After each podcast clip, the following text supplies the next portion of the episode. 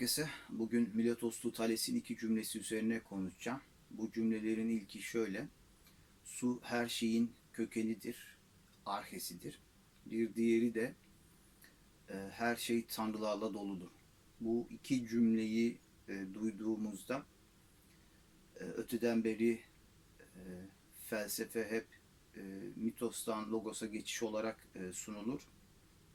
Bu sözleri duyduğumuzda e, Thales'in nasıl olur da e, bu iki cümleyle e, logosa e, geçtiğini e, pek de anlayamayız.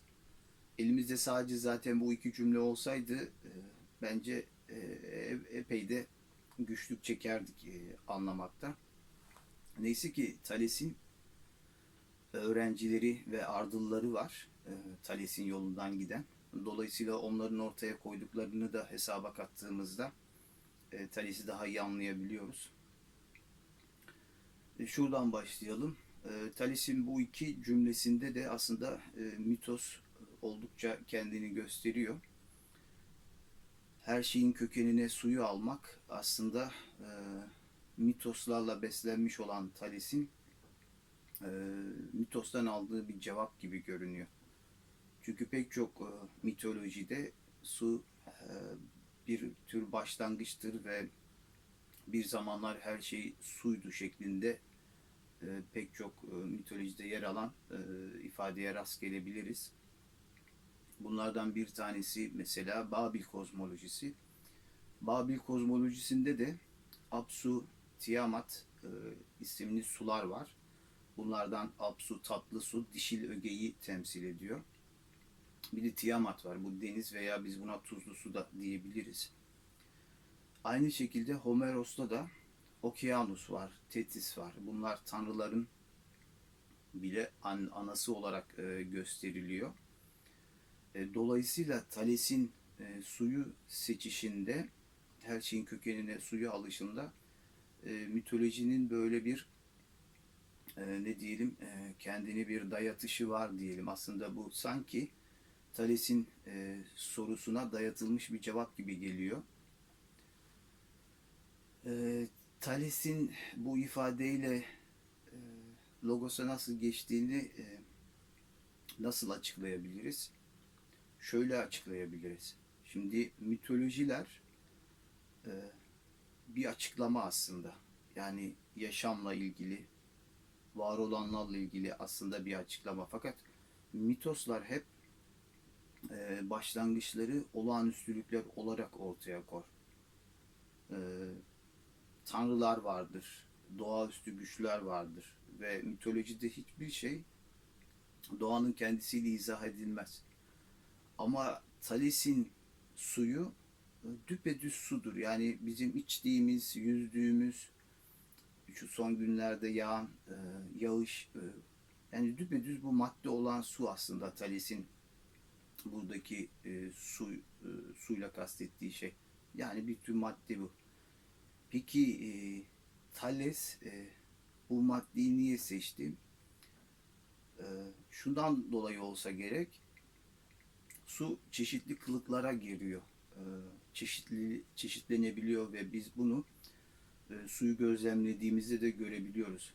Thales muhtemelen her maddenin, her var olanın e, belli ölçüde devinip durduğunu ve çeşitlendiğini söylemek istiyor.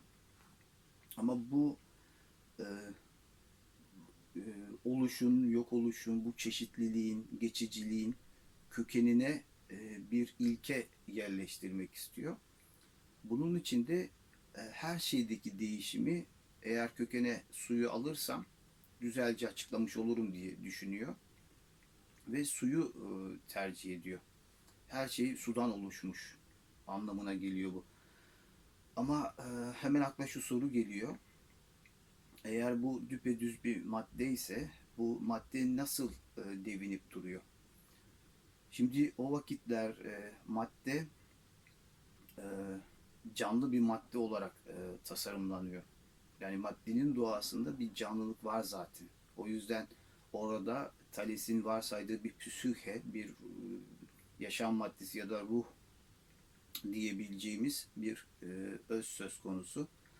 Ama bu ikili bir e, anlayış değil, e, monist bir anlayış. Yani maddenin kendi doğasında bir devinim var ve bu devinime o dönemki düşünüş ruh e, e, e, diyor. Yani psühe devindiricilik, e, devindirici güç anlamına geliyor bu, ve bu maddeden ayrı bir şey değil.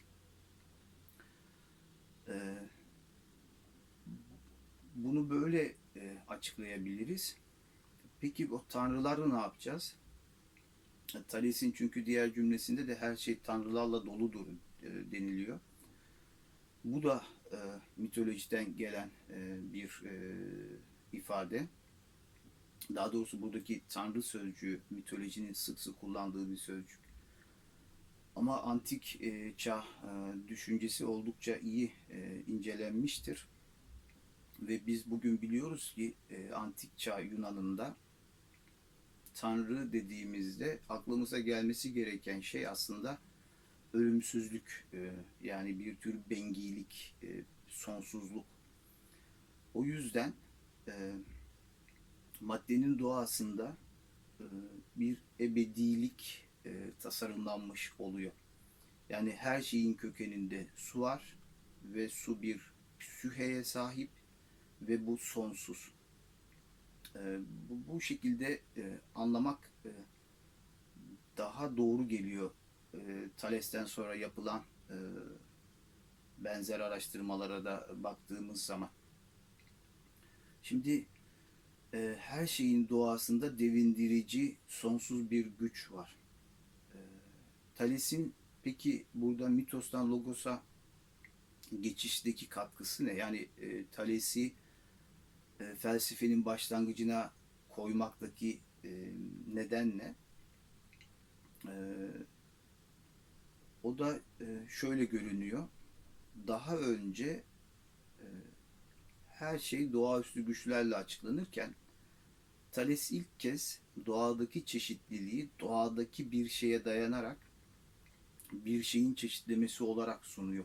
Yani artık Thales'le birlikte insan e, doğayı bir doğa olayı olarak ele almaya başlıyor ki bu bugün bizim e, bilim olarak da yaptığımız faaliyet aslında. Yani bilim de farklı bir şey yapmıyor. Her şeyi açıklamaya e, girişiyor. Ve akıl e, öyle pek e, çeşitlendirmez. Yani akıl e, ne yapar? E, indirger. Çünkü genelleme yapar. Bunu şöyle örneklendirsek galiba daha iyi olacak. Yani antik Yunan'da e, başarılan şeyi anlamak açısından. Şimdi biliyoruz ki e, Mısır e, ya da Babil ya da Sümerliler e, aslında teknik olarak çok ilerideler. Bilim olarak da ilerideler diyebiliriz. Yani sözcüğün bugünkü anlamında e, demesek de. E, geometriyi çok iyi biliyorlar. E, matematiği çok iyi biliyorlar. Hekimlik çok gelişmiş. Cerrahlık, işte iplik yapımı, çömlekçilik ve zaten e, 9. 8. yüzyılda milattan önce Yunanlılar Mısır'ı kendilerine örnek alıyorlar ve o dönem için e, yaklaşık bir 200 yıllık bir dönemde Ekrem Akurgal da e, bunu özellikle belirtiyor. Yunanlılar Mısırlıların öğrencisi e, aslında. Ama o öğrencilikten hoşnutlukla söz eden bu antik Yunanlılar öyle bir iş başarıyorlar ki e, Babil'in, Mısır'ın bir veri olarak bir gündelik hayatı kolaylaştıran bir teknik olarak biriktirdikleri her şeyi e, genel bir açıklamanın altına e, alabiliyorlar. Yani kuram geliştirebiliyorlar. O dağınık veriler, e, birikim bir açıklığa, bir e, kurama kavuşuyor. Bunu da e, Yunanlılar başarıyor ve bunu da akla dayanarak yapıyorlar. Dolayısıyla şöyle bir hava var. Akla dayalı düşünce ve bir tartışma başlıyor. Bu da gerçekten özgür, tartışmaya açık bir ortamın e, başarabileceği iş. Baskının olduğu yerde e, felsefeye kesinlikle yer yok. Çünkü e, e, baskının olduğu yerde baş e, yaşam e, sınırlanır. Yaşamın sınırlandığı yerde biz e, kendi yetilerimizin, yeteneklerimizin nerelere kadar vardığını zaten göremeyiz. Ve yaşamın kıt olduğu yerlerde özgürlük de iyi anlaşılmaz. Zaten o bir ihtiyaç olarak da görülmez. Fakat insanlar genelde zorunlulukla özgürlüğü birbirinin karşıtı gibi alırlar. Oysa ki özgürlük baskının karşıtıdır. Zorunluluğun değil. Çünkü zorunlu olan şey karşısında insan aslında hiç de üzülmez. Çünkü orada onun başarabileceği bir şey yoktur. İnsan e, devinir, hareket eder, merak eder, araştırır, soruşturur, bir şeyler yapar. İşte baskı o yapıp etmeyi kısıtlamaktır. E, Tabi özgürlük e, ruhları barbar olan bir ortamda erdemsizlik olarak da kendini hemen ve çabucak gösterebilir. Ama ben şu kanaatteyim. e, ancak öyle de olgunluğa erilebilir. Yani erdemsizlikse ona çarpa çarpa insan e, kendini eğitebilir gibi geliyor bana. Yani dürüstlük, e, kurnazlıktan uzak bir e, ilerleyiş bence e, özgür bir ortamda doğabilir. O yüzden o zorunluluk kısmını e, başka türlü değerlendirmeli ve özgürlüğü baskının karşısında görmeliyiz. Herhalde konuyu epey dağıtmış oldum. E, tekrar e, Thales'le e, bitirelim. Bu her şeyin kökeni sudur diyor diyen e, Miletoslu Thales ki bugün Miletos Aydın e, ilinde. E, doğadaki çeşitliliği doğadaki bir şeyin e, çeşitlemesi olarak açıklamaya girişen ilk insandı. O yüzden de hakikaten alkışı hak ediyor. Şimdilik bu kadarıyla yetinelim. Çünkü ilerledikçe zaten dallanıp budaklanacak e, bu konular. E, başka zamanlarda tekrar tekrar değiniriz. E, şimdilik e, hoşça kalın. Görüşmek üzere.